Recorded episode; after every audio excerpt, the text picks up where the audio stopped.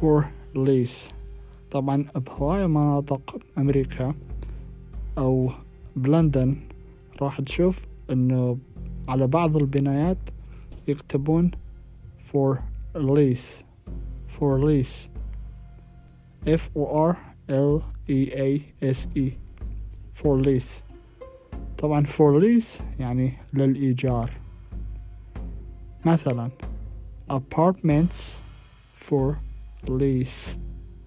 يعني الشقق للإيجار The house is for lease يعني البيت للإيجار The store is for lease lease lease lease lease lease يعني إيجار The house is for lease يعني البيت للإيجار for lease